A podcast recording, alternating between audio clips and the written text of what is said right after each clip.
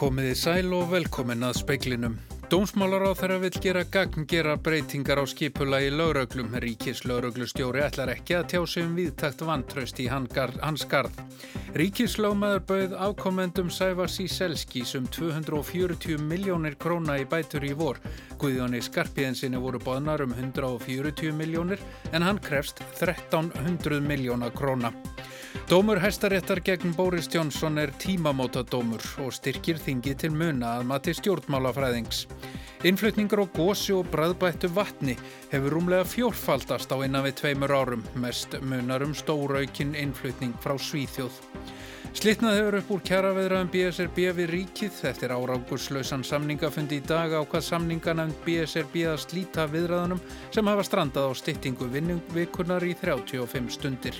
Fyrverandi útibústjóri Danske Bank í Tallinn í Íslandi er horfin spórlaust. Lauragland telur að hans í lífsættu.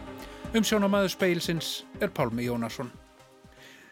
Haraldur Jóhannesson, ríkislauruglustjóri, ætlar ekki að tjá sig um vantraust yfirlýsingar lauruglustjóra og lauruglumanna í hanskarð. Dómsmálar á þeirra vil gera gagngjera breytingar á skipulagi lauruglu og byggja þær á skýslu starfsóps sem skilaði af sér niðurstöðum árið 2009. Átta af nýju lauruglustjórum landsins og landsamband lauruglumanna lístu í gær yfir vandrusti á Haraldi Jóhannesson, ríkislauruglustjóra. Haraldur og Áslögarna Sigurbjörnsdóttir, dómsmálar á þeirra, funduðu vegna málsins í morgun en efni fundarins hefur ekki verið gefið upp. Samkvæmt heimildu fréttastofu kom Reymar Pétursson, hæstaréttalögmaður, með Harald á fundin. Hvort Reymar hafi verið ráðin af Haraldi personlega eða ennbætti ríkislauglustjóra hefur ekki fengið staðfest. Í svari frá kom almanatengslum segir að ríkislauglustjóri veit ekki kosta viðtali þar sem að telja að máli verði best leist í samtali ráðinettis, ennbættis ríkislauglustjóra, lauglustjóra og lauglumanna í samrami við þær skipilagsbreytingar sem ráþæra hefur bóðað, meðal annars í brefi til lauruglæmpata. Í brefinu lýsir ráþæra vilja til að gera breytingar á grunni skýslu starfsóps sem þáverandi dómsmálaráþæra skilaði af sér árið 2009. Helstu niðurstöður hennar voru að lauruglu undami landsins erðu stækkuð, að undami stjórar erðu undir stjórn eins lauruglu stjóra landsvísu og að lauruglu ennbættin í landinu erðu saminuð í eitt lauruglulið. Þótt breytingar hafi verið gerðar í þessa átt til að mynda með stækkun umdama þá eigi enn eftir að framfylgja öðrum tillögum.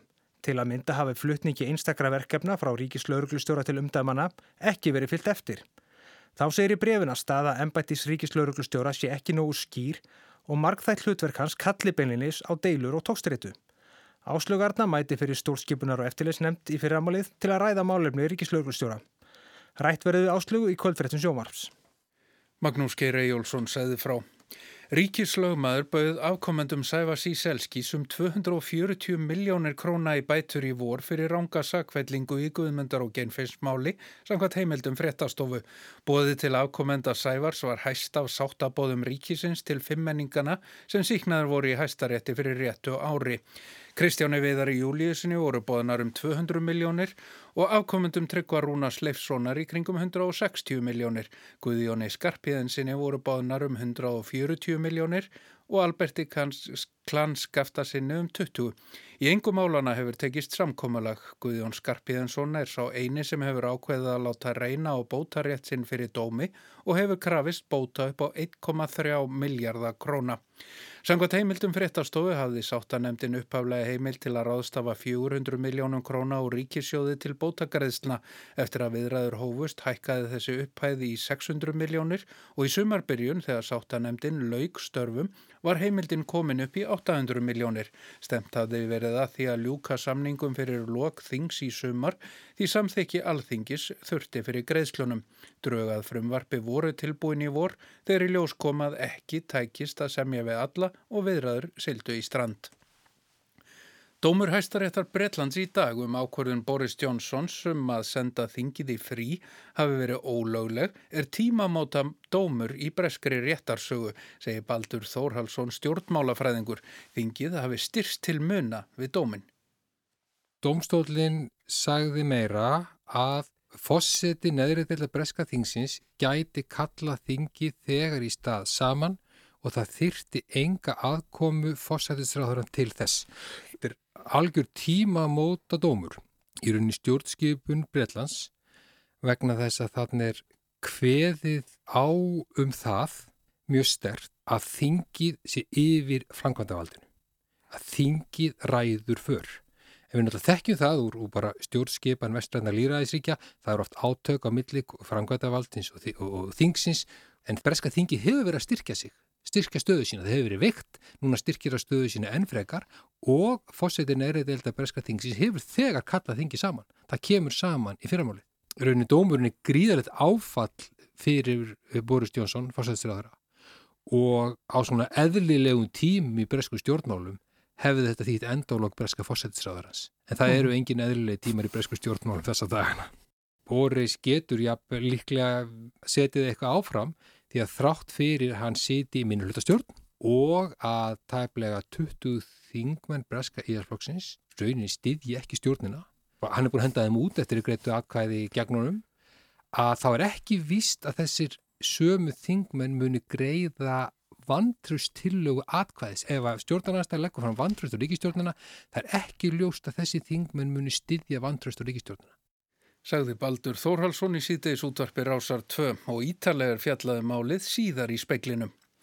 Slittnað hefur verið upp úr kjara viðraðum BSRB við ríkið eftir árákuslausan samningafundi í dag á hvað samninga nefndi BSRB að slíta viðraðunum sem hafa strandað á styttingu vinnuvikunar í 35 stundir. Lagt verðu til að deilunni verði vísa til ríkisáttasemjara á fundi samningseininga BSRB á morgun, segir í tilkynningu frá BSRB sem barst síðdeis. Ríkið hafi lagt til lausn á deilunni á samningafundi í dag sem bandalagið segist telja algjörlega óaðgengilega. Lögregla í Tallinn í Íslandi hefur frá því í gær leitað að æfa re fyrirverandi útibústjóra Danske Bank í borginni. Hann fórað heimann í gerðmorgun og hefur ekkert til hans spurst síðan. Lögreglu grunnar að honum hafi verið rænt og að hann sé í lífsættu. Ævar Rehef fórað heimann um tíu leitið í gerðmorgun á sama tíma og hann viðrar hundin sinn venjulega. Hann var klættur í íþróttakalla en skildi hundin eftir heima og var farsímalös. Aðstæður voru því þannig að lögreglan telur að honum hafi verið rænt og hann kunni að vera í lífshættu.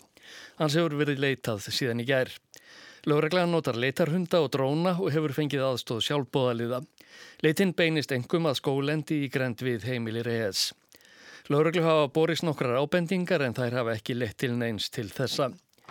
Talið er að um 6.000 viðskiptavinir Danske Bank í Íslandi tengist umfángsmiklu peningaþvætti sem var stundað á árunum 2007 til 2015. Rannsókn leiti í ljós að jafnverði 28.000 miljardar íslenskra króna fóri gegnum útibúið á þeim tíma. Líklegt þykir að stór hluti upphæðarinnar tengist peningaþvætti. Ekki er vitað til þessari hafi tengst þessari glæpastarfsemi. Fjórumála eftir lítið í Íslandi fyrir skipaði fyrir á þessu ári að útibúi Danske Bank í Tallinn skildi lokað. Áskir Tómasson sagði frá. Hérastómur Reykjavíkur hefur hafnað kröfu verjanda í máli sem snýst um amfetamin framleiðslu í sumabústaði borgarferði. Verjandur fóru fram á það við dóminn að fá aðgangað dagbókarfæslum lögröglu, afritt af hlerunum og öll önnur gögner málið varða. Verjandurnir hafa þrjá daga til að kæra úrskur hérastóms til landsréttar. Alls eru sex ákerðir í málinu. Þrent hefur þegar játað sög og krefst saksóknari þess að þau verði dæmt í 12 mánada fangelsi. Hinnir þrýr neituðu aftur á móti að taka afstöðu til ákerunar þegar hún var þingvest í síðustu viku. Þeim er gefið að sög að hafa framleitt rúmlega 8 kíló af amfetaminni í sumarbústaði í borgarferði og eru einni ákerð fyrir aðild að umfangsmikilli kannabisframleiðslu í þykvabæ.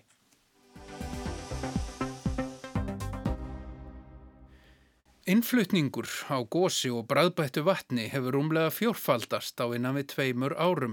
Þetta má lesa úr innflutningsskrá hagstofunar. Mest munar um stór aukinn gósdósa innflutning frá Svíþjóð. Verkfræðingur hjá Eblu segir kólefni spór innfluttra drikja hærra en þeirra sem framleitir eru á Íslandi. Í innflutningsskrá hagstofunar er hægt að skoða innflutning á drikkjum eftir tólskránúmerum mánuð fyrir mánuð. Speilin skoði innflutning á kólsýrðu vatni, góðstrikkjum með og án sikurs, ymsu bræðbættu vatni og óáfengu öli. Nokkrir töyir tólskrár númera þar undir. Í janúar 2017 voru fluttin 552.000 kíló af þessum drikkjum sem samanstanda stærstum hluta af vatni.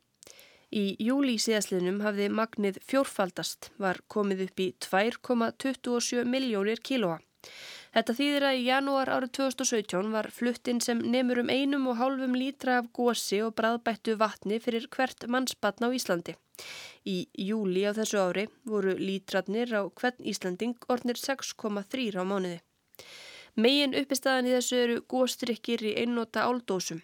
Innflutningur frá Austuríki, Hollandi, Sviss, Þískalandi, Breitlandi og Danmörku hefur aukist verulega frá því byrjun ást 2017 en ekkert land kemst þó með tærnar þar sem Svíþjóð hefur hælana.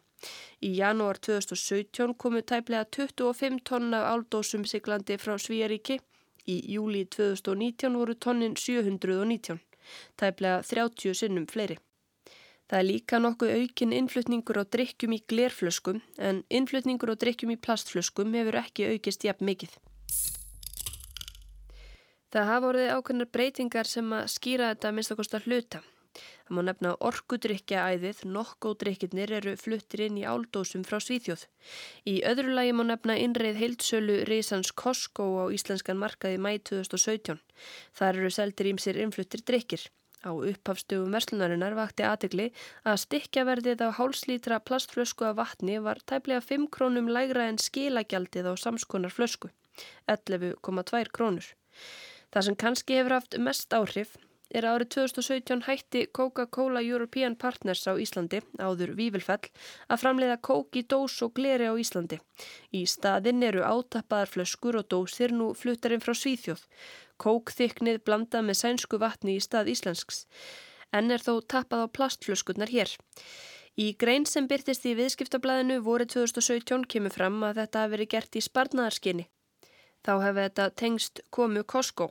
Eftir spurn eftir því að kaupa margar dósir saman í pakka hafði það sök forstjóra Coca-Cola European Partners aukist og í stað þess að fjárfesta sérstaklega í nýri pökkunarvél hér var ákveðið að flytja drikkina inn. Það er kannski eitthvað kaltænislegt við það að verið sé að flytja vatn og vassblandaða drikki í stórum stíl til Íslands, lands sem er auðugt af vatni. Og svo er spurning hvað áhrif þetta hefur á kólefnissporið. Alexandra Kjeld heiti ég, umhverfisverkfræðingur hjá Eblu verkfræðistofu. Ebla vann nýlega könnun fyrir ölgerðina, niðurstöðunar hafa ekki verið byrtar. Meðal annars voru borin saman loftslags áhrif þess að flytja mismunandi drikjarumbúðir tómar til landsins og fylla þær hér eða tappa á flöskur og dósir erlendis og flytja þær tilbúnar til landsins. Ef það er annar valkostur, innlendur, þá er hann alltaf betri, það er alveg auðlust. Og það einnig er líka, við erum að sjá það bara í umræðinni með flutning á hreinsefni og svo framvis menn er að tala um ringrásar hagkerfið að það borgar sig, sig ekki verið að flytja óþarfa þingdir til dæmis eins og með hreinsefni við gætum verið bara með einhvern koncentreit eitthvað þykni í umbúðum og svo bara fyllum við setjum við íslenskt vatn á það.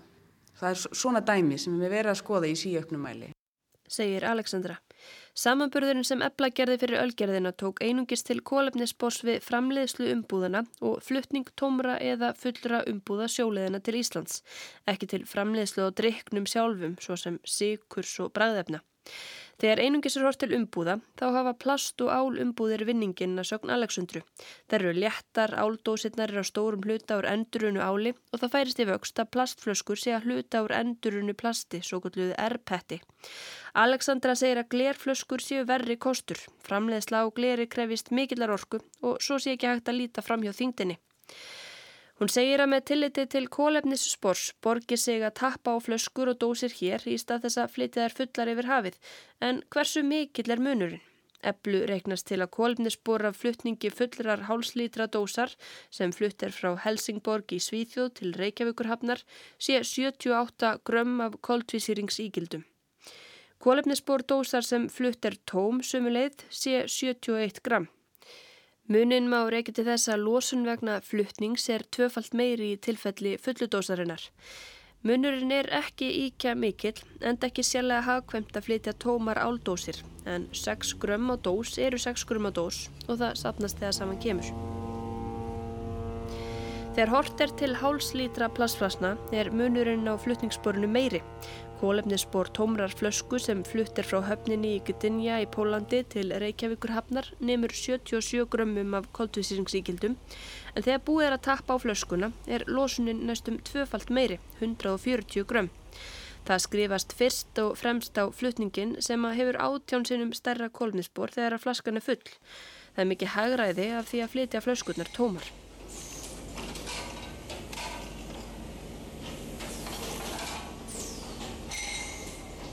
Hér uh, sjáum við hlamis plastflöskuna. Uh, hér er hún tóm mm. og hér er verið þá að blása hana út uh, hér á landi. Veist, þær eru bara svona, ég veit ekki hvernig að lýsa þessu, einhvers konar örður, veist, þetta er svona eins og litlar, litlar óupplásnar blöður. Já, þetta er eiginlega þannig, það er komið eins og pínulítil mæliklus einhvern veginn. Þetta er alveg frekar lítið, þetta er príform og ef við flytjum þær tómar þessu formi til landsins, þá bæði eru flutningarnir hagkvæmir og við notum íslenska raforku til þess að blása þær út. Ef við hins vegar fyllum á þessar flöskur erlendis, þá erum við að nota erlenda raforku í að móta þær uh, og við erum að náttúrulega flytja markvalda þyngt. Segir Alexandra. Og flutningarnir þeir gáttu sko jafnvel náð eh, kólefnisborið framleyslunar sjálfarar á, á plastflöskunni sem er svolítið sláandi. Þetta er auðvitað mjög létt eining og þeir eru búin að markvalda svona gríðarlega hérna, þingdina. Þá munar þetta um það. Útrekningar eflu miðastu upplýsingar frá byrgjum ölgerðarinnar. Það eru margar breytur sem skipta máli og málum ekki eins háttað hjá öllum byrgjum. Alexandra segir niðurstöðnar byggðar á bestu tiltækugögnum en að það þurfi samt að taka þeim með ákveðnum fyrirvara. Er komið þó ekkit á óvart, séu í samræmi við það sem hún bjóst við. Þá bendur hún á að í útreikningunum sé ekki gert ráð fyrir landflutningum. Oft séu drikkirnir kerðir mörg hundru kílometra frá framleyslu staða að höfn, vörubílaflutningarnir vegi oft þingra en sjóflutningarnir. Útreikningarnir tæki þá ekki heldur til orkunótkunar við átöppun ytra. Munurinn sé því líklega enn meiri. Arnildur Haldónadóttir sæði frá.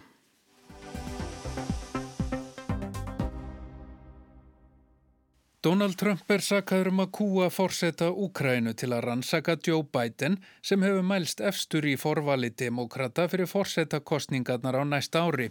Fyrir síðustu fórsetakostningar var Trump sakaður um að vinna með rúsum til að koma höggi á þáverandi andstæðingsinn Hillary Clinton. Anstæðinga Trump segja að hann hafi misnotað vald sitt sem forseti til að kúa Úkrænu til þess að grafa upp skadlegar upplýsingar um pólitískan anstæðingsinn, demokratan Joe Biden, sem lengi hefur mælst efstur í forvali demokrata og því líklegur anstæðingur hans í forsetakostningunum á næsta ári. Kvítahúsið og forseta embættið eru því í húfi. Trump og stuðningsmenn hans saka Joe Biden á móti um að hafa þrýst á ukrænsk stjórnvöld að stöðva glæparansókn gegn síni hans Hunter Biden sem var starfsmöður gasfyrirtækis í Ukrænu. You can't have that happen to a president of the United States. The conversation, by the way, was absolutely perfect.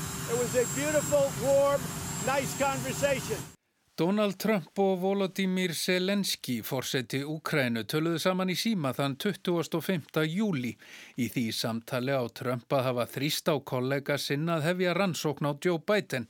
Í þessu sama samtali rætti Trump einning um 250 miljóna bandaríkjadala hernaðaraðstofið Úkrænu sem bandaríska þingið hafði samþygt en Trump stjórnin hafði frestað. Washington Post og fleiri fjölmiðlar hafa fullirt að Donald Trump hafi skipað starfsmannastjóra sínum, Mick Mulvaney, að fresta afgreðslu aðstóðarinnar fram yfir símtalið um delta. Málið virtist óljóst í fyrstum, eða þar til Rúdi Giuliani, lögfræðingur og einn nánasti samstarfsmaður Trumps, kom í viðtal við Chris Cuomo á CNN fyrir helgi. Þar var lögmaðurinn spurður að því hvort hann hefði beðið yfirvöldi í Úkrænu að rannsaka Joe Biden. Giuliani vísaði því á bugu í fyrstu og sæði slíkt algjörlega fjärstaðukent en gegn síðan við því og það með nokkru stolti. Did you ask the Ukraine to investigate Joe Biden?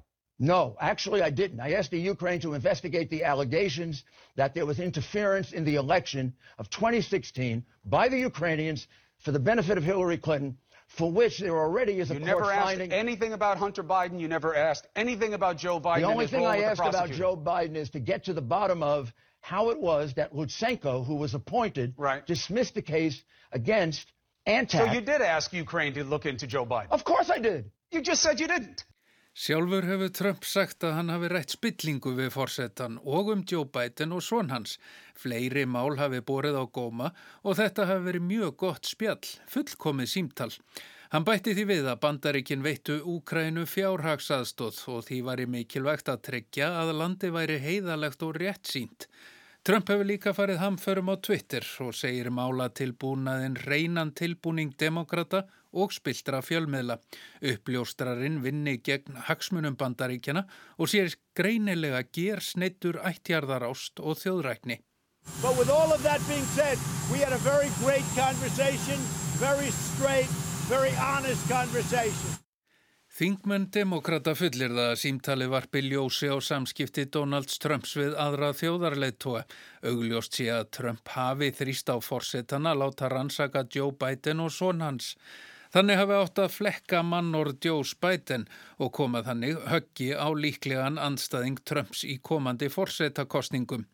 Þingmenn republikana hafa lítið tjá sig en þó hefur öldungadeildar þingmaðurinn Mitt Romney sagt að málið sé alvarlegt og nöðsynlegt að fá allar staðreindir á borðið. Alvarlegustu ásakanirnar snúast um að Donald Trump hafi nýtt forseta embættið til að kúa erlendan þjóðarleitua til að sapna skadlegum upplýsingum um pólitískan anstæðingsinn og halda aftur að hernaðaraðstóð í þeim tilgangi. Samkvæmt stjórnarskrá getur meiri hluti þingsins dæmt forsetan til embættismissis fyrir ólöglega eða ósiðlega framkomu. Tvo þriðju hluta öldungadeildarinnar þarf síðan til að víkja honum úr starfi. Forsetan má dæma til embættismissis fyrir landráð, mútur eða aðra alvarlega glæpi eða miskjörðir. Hvað þetta þýðir í raun er í raun ákverðun meiri hluta þingsins hverju sinni. Demokrater hafa meiri hluta í þinginu en vilja þó stíga varlega til jarðar. Nancy Pelosi, forseti þingsins, hefur gefið í skinn að slík vegferð gæti skadað demokrata og sé í raun tilgangslaus á meðan Donald Trump nýtur stuðnings meiri hluta republikana í öldungadeildinni. Aðri demokrater segja að það sé siðferðileg skilda þingsins að sækja forsetan til saka. Þetta minnir um margt á ásakanir gegn Trump um að hafa unnið með rúsum til að koma höggi á Hillary Clinton í forsetakostningunum 2016. Þó er ákveðin grundvallar munur. Þá var Donald Trump í raun óbreyttur borgari sem sóttist eftir kjöri til forseta. Í málinu sem nú er til skoðunar er hann hins vegar sakaður um að hafa nýtt sér vald embættis bandaríkja forseta til að hafa áhrif á erlendan þjóðarleitua og hafa sjálfur átt frumkvæði í málinu. Sjálfur segist hann ekki hafa beitt forseta Úkrænu þrýstingi. Andstæðingar hans segja hins vegar augljóst að Trump hafi kúað forseta Úkrænu til að hefja rannsókn á helsta pólitíska andstæðingi sínum og nota til þess 250 miljóna bandaríkjadala hernaðaraðstóð. 11 einróma hæstaréttadómarar telja þá ráðstofun Boris Johnson, forsætisráð þar að senda þingið heim ólöglega. Þingstörf eigi því að halda áfram eins og ekkert hafi í skorist. Dómur hæstaréttar breyta varðar grundvallar þætti breskrar stjórnskipunar og mun bergmála lengi. Þá líka í komandi kostningum og þá í samhengi við útgöngu breyta úr Evrópussambandinu þó dómurinn snúist ekki um það mál. Heyrum hér í lafði heil forseta hæstaréttar þegar hún hvað upp dómin í dag. Parliament has not been prorogued. This is the unanimous judgment of all 11 justices. Þetta er kjarnin dómsinn sem hæstiréttu breyta hvað upp í morgun eins og heyra mátti, saði lafði heil að þingið hefði ekki verið sendt heim, svo ráðstöfun ólögleg. Um það væru dómararnir 11 einróma samála. Fórsætsráðara braut lög það hindraði þingið í að rækja líðræðislega skildu sína og svo hindrun er ólögleg og þar með líka ólöglegt að ráðleggja drottningunni að senda þingið heim. Ástæður fórsætsráðara fyrir þessi ráðstöfun skipti ekki máli heldur áhrifin sem ráðstöfunin hafði. The effect on the fundamentals of our democracy was extreme. No justification for taking action with such an extreme effect has been put before the court. Áhrifin á grundvallar þætti líðræðisins voru gríðarleg og ekki verið lögð fram neyn réttlæting þess að taka ákvörðun sem hefur slíkar afleðingar, saði lafði heil.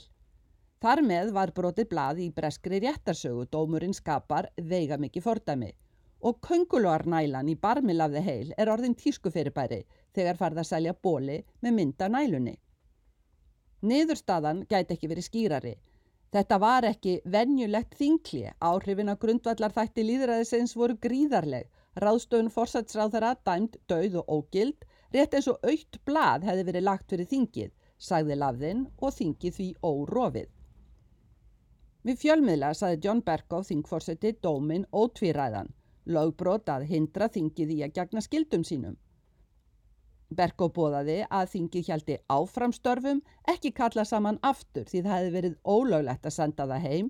Þingstörf hjæltu bara áfram. I have instructed the House authorities to prepare not for the recall, the prorogation was unlawful and is void, to prepare for the resumption of the business of the House of Commons. Berkov neytti á þessu því það er leikilatriði að þingstörf haldi áfram.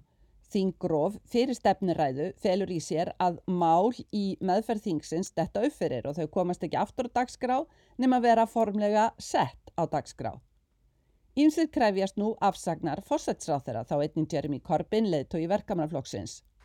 And I invite Boris Johnson in the historic words to consider his position. Corbyn sæði þetta úr ræðustóli á yfirstandandi þingi verkamannaflokksins Átökinn þar falla nú í skuggan af frettunum úr hæstarétti. Orð Korbins er þó heldur máttlítil. Hið raugrétta væri að Korbin legði fram vantraust á stjórnina. En stjórnananstaðan treystir Korbin ekki til að taka fórustuna og það þrengir stöðuna verulega. Boris Johnson fórsætsráðara saði viðtali eftir dómin að auðvita fær hana lögum þó hann væri ósamala dómnum sem hann tengdi beint við útgöngu breyta úr ESB. Ímsir reyndu að hindra útgöngu. Þingið vildi ekki láta senda sig heim en vildi heldur ekki kostningar og stjórnin yrði nú að hnika málum áfram. There are a lot of people who basically want to stop this country coming out of the EU and we have a, a parliament that is unable to uh, be prorogued, is unable to, uh, doesn't want to have an election uh, and I think it's time we took things forward. Þó máli sjálft hafi ekki snúst um Brexit þá eru stuðningsmenn Boris Johnson sama sinnis og hann málinu ætlað að hindra útgönguna sem hann hamrar á að verði 31. oktober. Það var þó ljóst fyrir dómin að án samnings við Evropasambandið yrði engin útganga þann dag þrátt fyrir fullýðinga Johnson um útgöngu sama hvað. Þið betra fyrir fórsatsráðara er að það var engin nöðsinn að senda þingið heim og hann gæti ekki komið í veg fyrir að þingið hefur hindrað samningslösa útgöngu 31. oktober. Heimsendingin var storkun, forsætsræðra lagði mikið undir og hann tapaði. Ráðin um heimsendingu eru talin brugguð af umdeildum ráðgjafa Johnsons, Dominic Cummings, sem ímsum finnst að nú ætti að reka. Það verða kostningar hér á næstunni, óljóst hvenar. Það má vel vera að forsætsræðra takist að snúa domnum upp í sigursögu, Líka að því leiðtögi stjórnarnanstöðunar er umdeildur einnig í eigin flokki. Sigrún Davíðsdóttir sæði frá. En í speiklinum var þetta helst. Dómsmálar á þeirra vil gera gagn gera breytingar á skipula í lögröglu. Ríkis lögröglustjóri ætlar ekki að tjá sig um viðtakt vantraust í hans garð. Ríkislögmaður bauð ákomendum Sævars Síselskís um 240 miljónir króna í bætur í vor. Guðjóni Skarpiðinsinni voru bóðnar um 140 miljónir en hann krefst 1300 miljóna króna. Dómur hæstaréttar gegn Boris Johnson er tímamótadómur og styrkir þingið til mun að mati stjórnmálafræðings. Innflutningar á gósi og bræðbettu vatni hefur rúmlega fjórfaldast á innan við tveimur árum. Eftir áranguslausan samningafund í dag ákvað samninganemnd BSRB að slíta viðræðunum sem hafa strandað á styttingu vinnuvikunar í 35 stundir. Fyrverandi útibústjóri Danske Bank í Tallinn í Íslandi er horfin sporlaust, lögreglan telur að hans í lífsættu. En það er ekki fleira í speiklinum, tæknimaður var Mark Eldrett, verðið sæl.